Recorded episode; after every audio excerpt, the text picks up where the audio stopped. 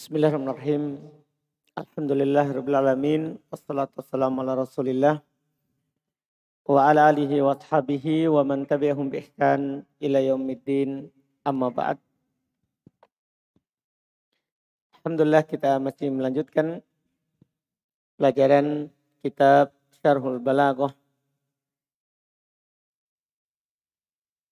Ini di pertemuan ini kita masih melanjutkan pembahasan muqaddimah di Al-Fatihah wal Balaghah.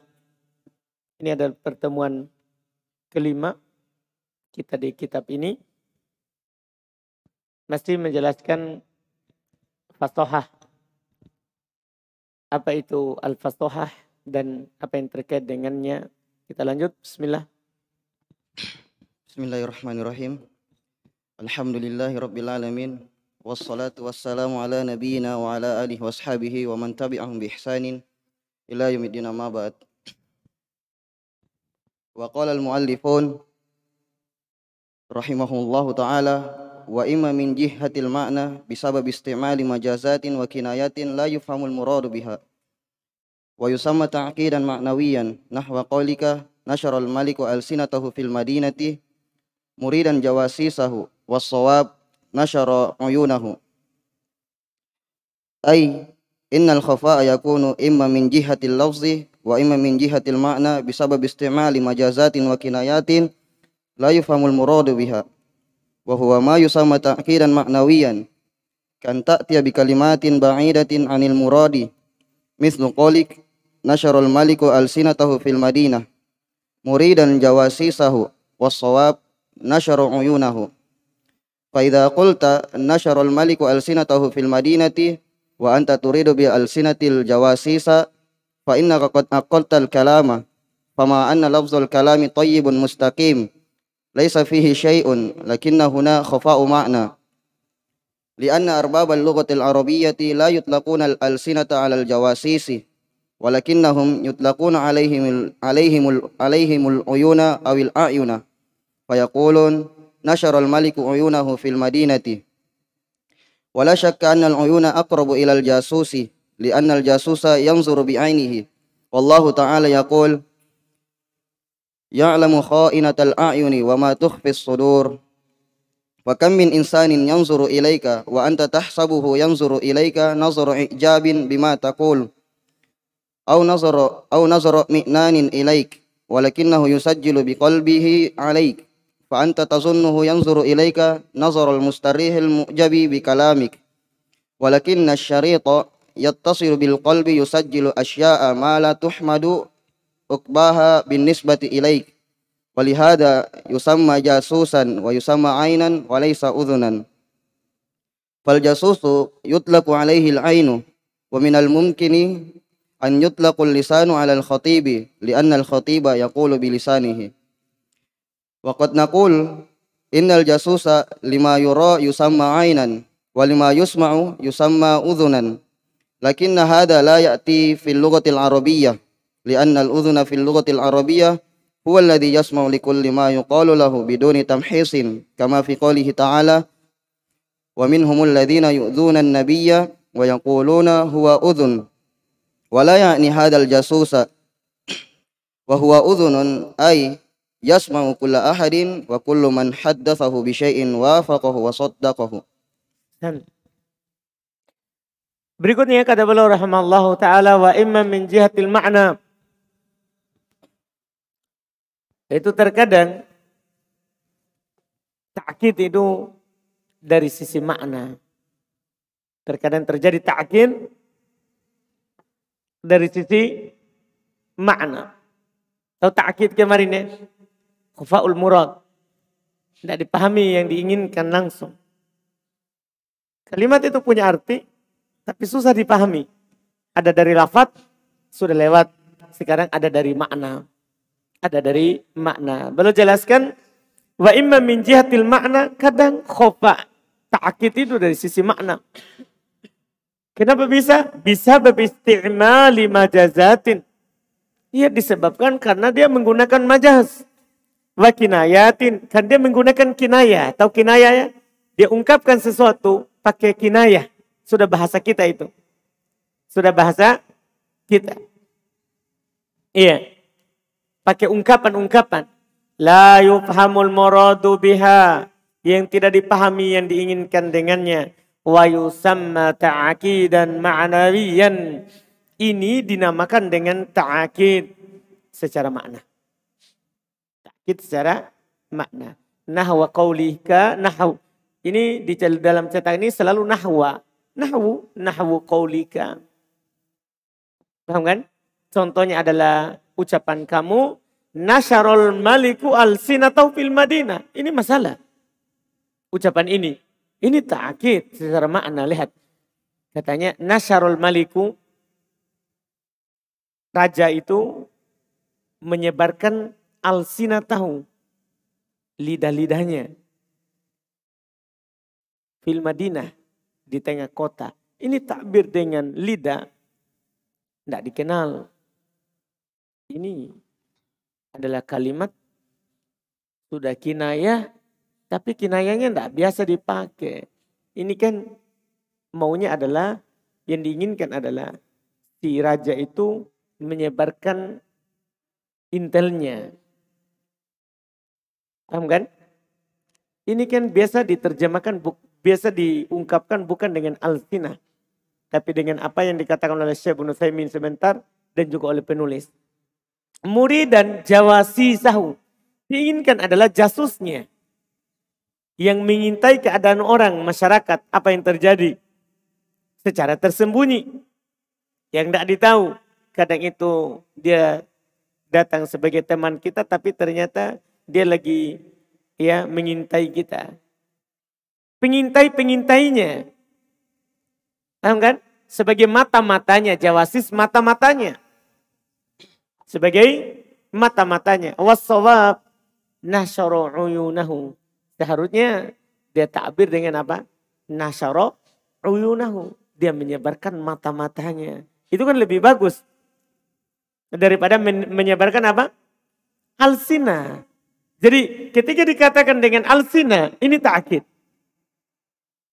Nah, kalimat yang fasih tidak takkit maknanya. Jadi kalau dia pakai nasyara uyunahu itu fasih. Tapi kalau dia gunakan nas, nasyara alsinatahu tidak fasih. Dipahami ini kan? Tidak fasih. Lihat kata Asyab bin Thaymin rahimahullahu taala ay innal qafa ayakunu imma min jihati lafzi. Yaitu kesamaran makna itu terkadang terjadi dari sisi lafaz. Wa imma min jihatil makna terkadang dari sisi makna. Bisa bab istimali majazatin karena disebabkan penggunaan majaz wa kinayatin dan kinayah. La yufahamul muradu biha yang tidak dipahami ke yang diinginkan darinya wa huwa ma yusamma ta'kidan ma'nawiyan dan ini yang disebut dengan ta'kid secara makna kan ta'tiya bikalimatin ba'idah anil murad. Syekh Ibn Thaymin lebih menjelaskannya. Seperti kamu mendatangkan al-kalimat, kata-kata ba'idah yang jauh anil murad dari yang diinginkan. Kamu datangkan kata-kata yang jauh dari yang diinginkan. Metlo qaulika seperti ucapan kamu nasyarul maliku al-sinatahu fil madinah Raja itu menyebarkan lisan-lisannya di kota. Muri dan jawasi zahu. Yang diinginkan adalah jasusnya. Mata-matanya. Wassawab nasyara uyunahu. Yang benarnya dia katakan nasyara uyunahu. Faidha kulta nasyarul maliku al-sinatahu fil madinah. Kalau kamu katakan al-malik menyebarkan al-sinanya, lisannya di Madinah. Wa anta turidu bil al-sina al-jawasis dan kamu inginkan dengan al-alsina adalah al-jawasis, jasusnya, fa innaka qad aqattal kalama. Sesungguhnya kamu telah membuat kalimat itu menjadi ta'kid, menjadi samar maknanya. Orang tidak paham langsung. Fama'a anna labdi al-kalam tayyib mustaqim maka bersamaan dengan lafat itu bagus, lurus, lakin fihi syai tetapi tetapi padanya ada sesuatu. Lakin khofa lakin hunaka eh, apa apa laisa fihi syai tidak ada padanya sesuatu. Tidak ada maksudnya tidak ada masalah. Ini sama dengan ucapan laisa fihi ba's. Tidak ada masalah. Kalimat ini tidak ada masalah sebenarnya. Karena secara nahwu ini sudah pas. Nasyarul maliku al-sinatahu fil madinati. Secara nahwu sudah pas. Cuman penggunaan katanya ini. Apa maknanya al-sinah? Lakin huna khofa'ul makna. Akan tapi di sini ada kesamaran makna. Lianna arbab al-logol arabiyah. Karena para pemilik bahasa Arab. Itu orang Arab. Arbab pemilik bahasa Arab. Maksudnya orang Arab. La yutlikunal al-sinata mereka tidak menggunakan kata al-alsinah. La yutlikun maksudnya la yasta'milun. Tidak memakai. Tidak menggunakan kata al-sinah alal jawasis terhadap jasus. Pengintai mata-mata. Walakinnahu makan tapi mereka yutlikuna alaihim. Mereka menggunakan atas mereka yaitu atas jawasis al-uyuna awil ayun. Mata-mata tidak pakai al-sinah. Faikulu nasyarul maliku uyunahu fil madinah. Mereka katakan seperti itu biasanya. Wala syakka anal uyuna akrab ilal jasus tidak diragukan tentunya kata al-uyun itu lebih dekat daripada makna jasus karena kan jasus adalah mata-mata pengintai namanya orang mengintai itu kan kebanyakannya dengan mata dia lihat Walaupun bisa juga dengan pendengaran. Ya kan? Dia tidak lihat tapi dengar ucapannya. Tapi penggunaan kep mata itu lebih dekat. Li'annal jasusa yang ini. Karena mata-mata itu kan dia melihat dengan matanya. Wallahu ta'ala yakul. Dan Allah subhanahu wa ta'ala berfirman. Ya'lamu kha'inatal ayun. Wa ma tukfis sudur. Allah mengetahui mata-mata yang berkhianat dan apa yang tersembunyi di dalam dada. Ya. Fakam min insan maka banyak sekali orang yang duru ilaik melihat kepada kamu wa anta tahsabuhu yang duru ilaik dan kamu menyangkanya dia melihat kepadamu nadhara ijabin dan dia kamu menyangka dia melihat kepadamu dengan penglihatan kagum. Bima takul dengan apa yang kamu ucapkan. Au nadharatum inan ilaik atau melihat karena senang kepadamu. Walakinnahu yusajil biqalbika alai. Akan tapi hati-hati dia lagi merekam dengan hatinya kepada kamu atas kamu maksudnya keburukanmu alai keburukanmu dia lagi merekam keburukanmu dengan hatinya. Di matanya dia pura-pura melihat padamu kagum, senyum. Tapi hatinya sedang merekam bahwa ah, kamu seperti itu. Itu namanya mata-mata. Fa'anta tadunnuhu yandur ilaika nadrul mustarih. Maka kamu menyangka bahwasanya dia melihat kepadamu dengan penglihatan yang mustari penglihatan yang nyaman al-mu'jab bikalamik yang kagum dengan ucapanmu walakin nasyarita akan tetapi rekaman yattasil bil qalbi bersambung dengan hatinya yusajjil al asya'a asya'a dia merekam segala sesuatu mala tuhmad uqbaha yang tidak di, yang tidak baik akibatnya bin nisbati dilihat kepadamu. Walihada yusamma jasusan wa yusamma ainan walaysa uduna. Oleh karena itu dia dinamakanlah jasus atau dinamakan mata-mata. Bukan telinga. Dia tidak dinamakan udun, bukan tidak dinamakan telinga. Paham kan? Karena dia melihat dan dia merekam. Bukan dia mendengar, tapi melihat. Makanya dinamakan udun, dinamakan ain. Bukan udun, bukan telinga. Fal jasus yutlaqu alal alaihil ain. Maka jasus digunakan atasnya kata al-ain. Wa minal mungkin ayutlaqa al-lisanu alal qatib. Dan mungkin juga digunakan kata lisan terhadap si khotib yang berkhutbah. Li'an al-khotib yakulu bilisani. Karena khotib ya berucap dengan lisannya. Tidak berucap dengan matanya, tidak berucap dengan telinganya. Kan begitu kan? Mungkin kita antum katakan. Paham kan? Ya. Antum bisa katakan nasyarul malik al-sina fil madinah. Apa maksudnya? Khotib. Paham? Atau kita katakan nasyarul malik al-sina tahu fil masajid. Ya, bisa. Mungkin kita pakai seperti itu. Paham kan? Al-Malik mengutus lisan-lisannya di masjid-masjid. Apa maksudnya itu? Hmm? Apa itu? Khotib. Cocok. Bisa. Mungkin. Wakad nakul kadang juga kita katakan innal jasus lima euro yusama aina. Jasus itu terhadap apa yang dia lihat dinamakan ain. Walima yusma yusama udunan. Terhadap yang didengar dinamakan telinga. Jadi ya mungkin juga, bisa juga. Kalau pengintainya adalah yang melihat, kita namakan ain. Kalau pengintainya adalah yang mendengar, tukang dengar saja.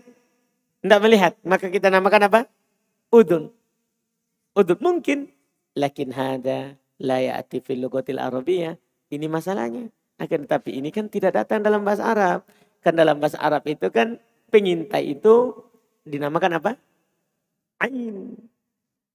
Paham ini? Iya, jasus itu dinamakan na'in. Itu masalah yang penggunaannya.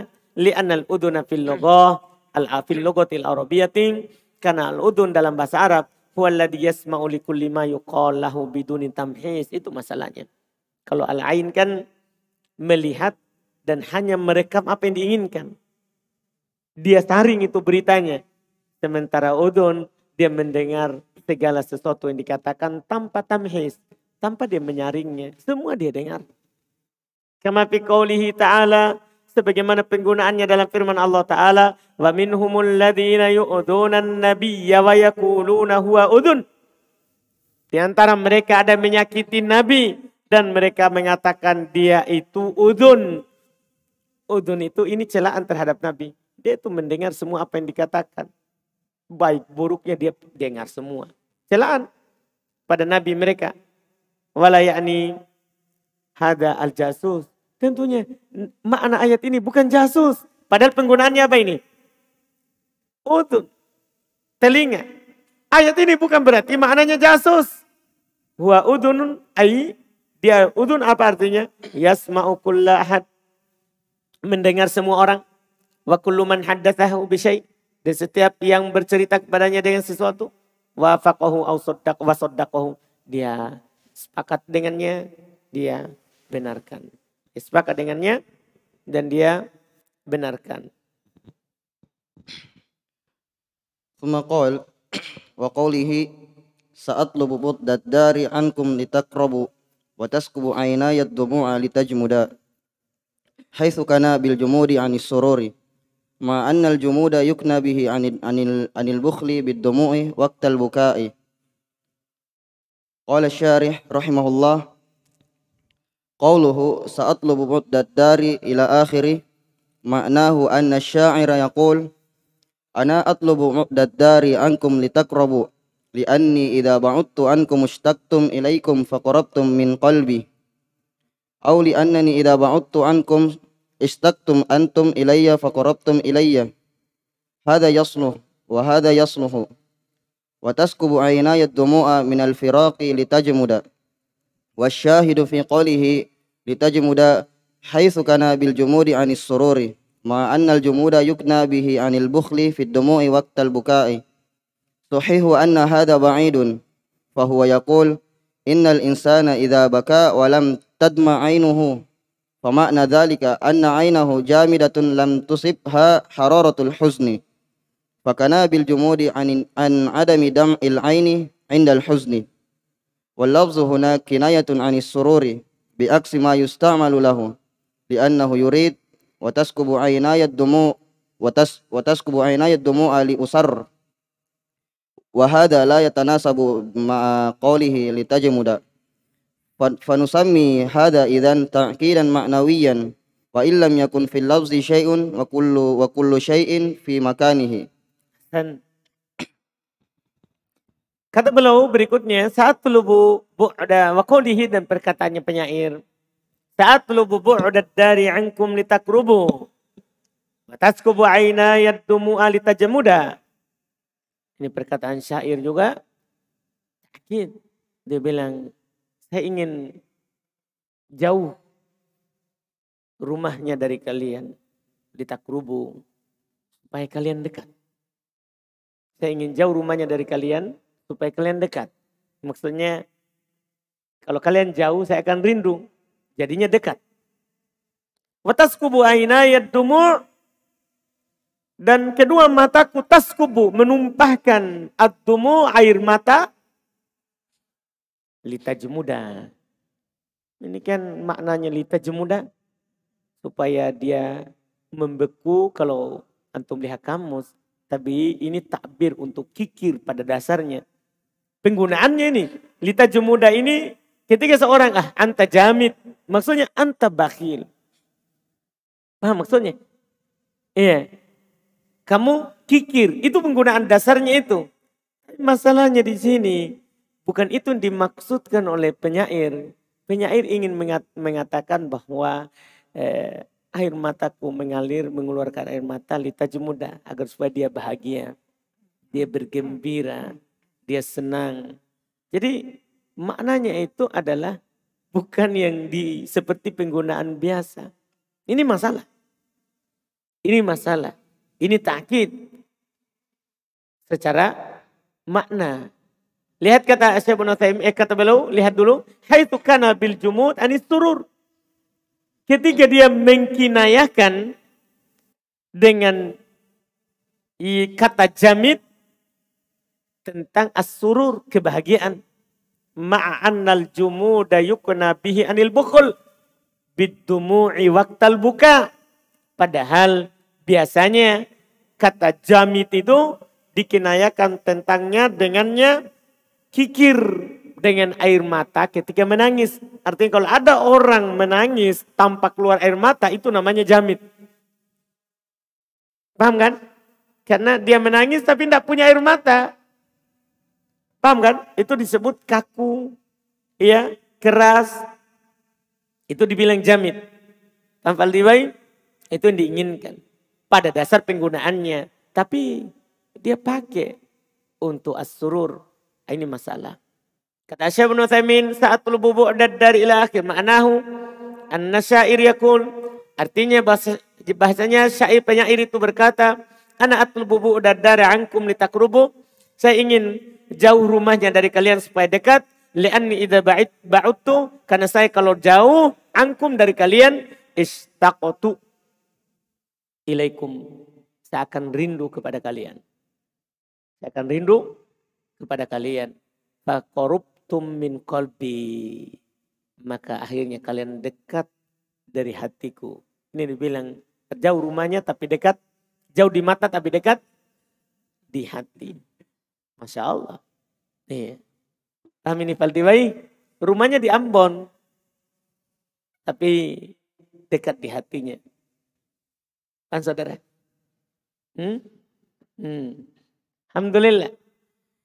Li'annani atau bisa juga maknanya li'annani idza ba'udtu ankum karena saya atau karena saya jika jauh dari kalian istaqotum antum ilayya maka kalian akan rindu kepada saya.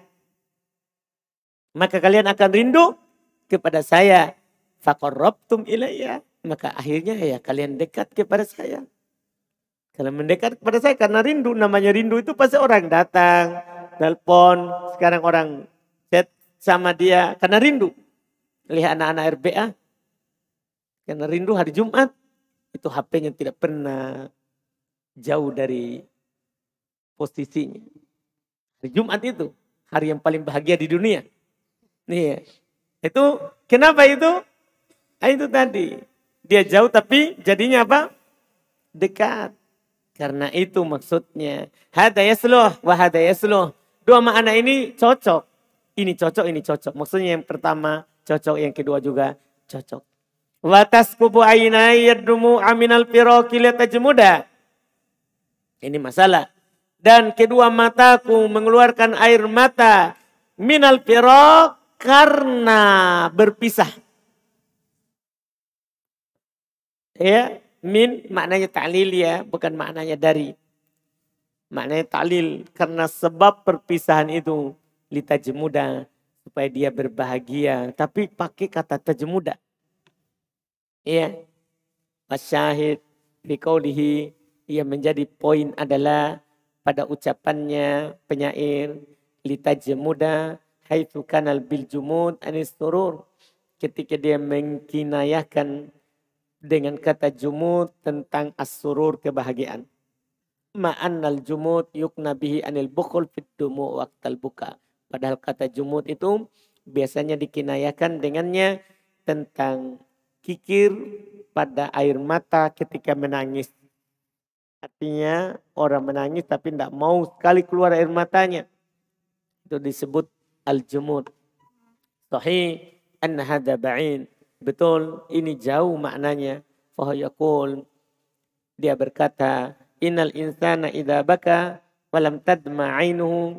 Sesungguhnya seorang kalau dia menangis dan tidak keluar air matanya, Famakna dalika anna ainahu jamidah. Artinya berarti matanya membeku. Lam tusibu hararatul huzun. Tidak disentuh oleh panasnya. Ya. Atau bisa antum katakan eh, hawanya atau tekanan kesedihan. Kan ketika orang sedih tapi tidak keluar air mata berarti tidak sedih. Paham kan? itu dibilang matanya apa? Jamin. Karena kalau hati sedih akan tergambar di mana? Di mata. Iya. Makanya sedih itu enggak bisa dibuat dengan ucapan. Itu namanya dibuat-buat. Kalau hanya dengan ucapan. Ucapan-ucapan apa? Sedih. Paham kan? Ya itu enggak, eh, enggak baik jadinya nanti. Fakana bil jumud an adami dam'il ain indal huzun maka dia kinayahkan dengan kata jamid tentang tidak adanya keluar air mata ketika bersedih. Walabdu huna itu itu asalnya ya, asal penggunaannya. Tapi walabdu huna lapar di sini kinayatun anis surur itu masalahnya. Dia kinayakan dari tentang kebahagiaannya. Makanya saya berpisah dengan kalian tapi saya tidak menangis. Kenapa? Saya bahagia. Karena dengan berpisah dengan kalian, kalian akan dekat dengan saya. Dan saya akan dekat dengan kalian. Makanya dia berpisah malah apa? Bahagia. Paham jadinya? Jadi dia berpisah bukan bersedih. Tapi malah bahagia. Itu maksudnya tadi baik jadinya langsung jelas.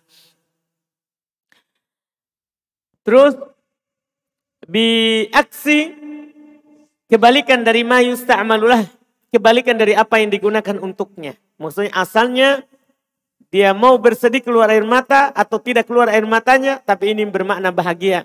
Dari kikir menjadi senang. Dari tidak suka menjadi senang. Li'annahu yuridu karena dia inginkan batas kubu aina yatumu'ul li li li usar li usarro. Dan air mataku keluar karena saya bahagia. Wahadala yatanasab ma'akaulih jemuda. Ini tidak cocok sebenarnya untuk ucapan beliau jemuda. Tidak cocok. Kenapa? Karena kayak maknanya bertentangan. Satu maknanya tidak keluar air matanya karena tidak sedih. Tapi satunya dia takbirkan bahagia. Iya kan? Satu tidak sedih. Dengan itu dia dia seperti bersedih tapi air matanya tidak keluar. Satunya inginkan apa? Bagi ini tidak saling cocok sebenarnya. Tidak saling cocok. Ia bersama muda. Maka kalau yang seperti itu, panusami hada idan ta'kid dan ma'nawiyan. Ini dinamakan dengan ta'kid secara apa? Makna. Karena maknanya kita tidak paham kecuali setelah mengetahui penjelasannya tadi. Iya, ini dinamakan ta'kid. Karena butuh penjelasan baru ditahu artinya. Wa illam yakun fil labdi syai'un Walaupun pada lafat itu tidak ada masalah. Wa kullu syai'in fi makani. Segala sesuatu ada pada posisinya. Arti, paham kan? Secara lafat semuanya pas. Kedudukan-kedudukannya. Tapi yang masalah adalah pada maknanya. Berikutnya. Wasalis wa fasahatul mutakallimi malakatun yaktadiru biha ala ta'biri anil maksudi bi kalamin fasihin fi ayyi ghardin kan. Ah, sampai situ dulu. Tanggung ini karena dia panjang fasohanya al-mutakallim. Karena kita masuk dah saja dulu sedikit. Kan ada pembahasan kita adalah fasohatu terkait dengan fasoha. Itu ada fasoha apa namanya? Sudah lewat dua. Hmm? Ada fasohatul kalimah, kata. Yang kedua, fasohatul kalam. Paham kan? Yang ketiga, ini yang terakhir. Fasohatul mutakallim. Balago juga nanti begitu.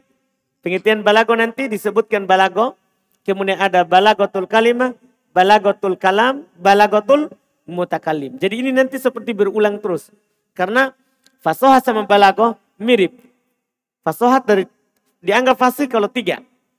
Kata dia pakai bagus, kalimat susunannya bagus, dia berbicara juga bagus. Paham ya? Nah, ini yang mutakalim, pembicaranya. Pembicaranya. Apa itu fasohatul mutakalim? Beliau katakan malakatun adalah kemampuan yaqtadiru biha alat ta'bir yang dia akan mampu dengan sebabnya untuk mengungkapkan anil maksud bikalamin fasih mengungkapkan tentang maksudnya dengan ucapan yang fasih dan ini berlaku umum ya.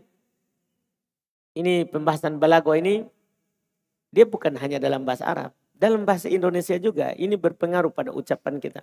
Maksudnya ini orang dianggap fasih dalam eh, al-kalimah, al-kalam, ini al-mutakalim juga. Ini umum. Ilmu balago itu ilmu penyampaian. Bagaimana kita menyampaikan sesuatu yang kita mau sampaikan. Itu ilmu balago. Nah, ini fasahatul mutakalim. Seorang mutakalim dianggap fasih. Kalau dia punya kemampuan untuk mengungkapkan apa yang dia maksudkan dengan ucapan yang fasih. Fi gordinkan. Dalam tujuan apa pun itu.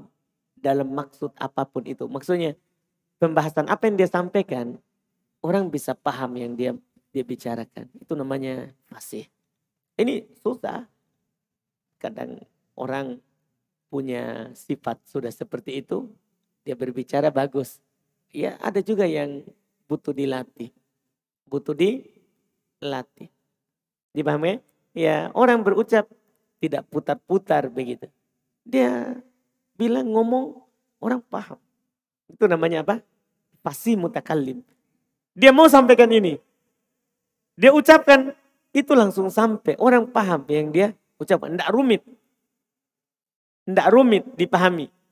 Itu namanya pembicara ini fasih. Iya.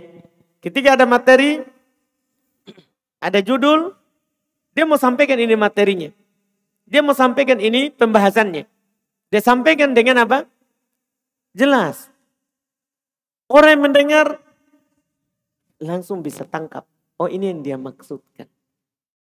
Dipahami ini? Ini disebut apa? Fasih al-mutakallim. Si pembicara ini berarti adalah pembicara yang fasih. Kita lihat apa yang dikatakan oleh Asyab bin Uthaymin. Insya Allah kita baca di pertemuan besok insya Allah. Alhamdulillah.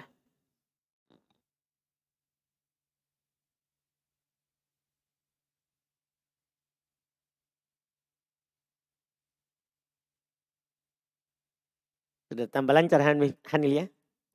Masya Allah. Ini menunjukkan bahwa orang baca kitab itu tidak harus masuk pesantren. Sebagian orang kadang tidak mau belajar bahasa Arab, susah harus santri. Iya, orang tidak biar tidak santri. Kalau belajar bahasa Arab bisa lancar bahasa kitab. Yang baca tadi bukan anak pesantren. Nah, artinya itu yang saya ingin kabarkan kepada teman-teman bahwa kita buat juga rumah bahasa Arab untuk itu. Sebenarnya bahasa Arab, rumah bahasa Arab kan asalnya adalah pesantren luar. Banyak orang mau belajar bahasa Arab tapi mungkin tidak bisa masuk pesantren. Akhirnya kita buatlah rumah bahasa Arab. Sebenarnya ini untuk orang luar, bukan untuk santri. Untuk orang luar, bukan untuk santri. Tapi bisa menginap bagi santri. Makanya dia terbuka umum. Tanpa harus mendaftar kalau bagi orang luar. Tidak perlu daftar, tidak perlu. Yang mau menginap yang butuh daftar. Iya, karena ini bahasa Arab setelah saya perhatikan tidak perlu orang harus masuk ke pesantren baru pintar.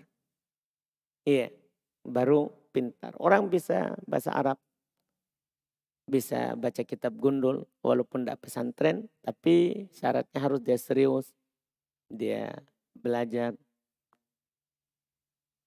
Alhamdulillah.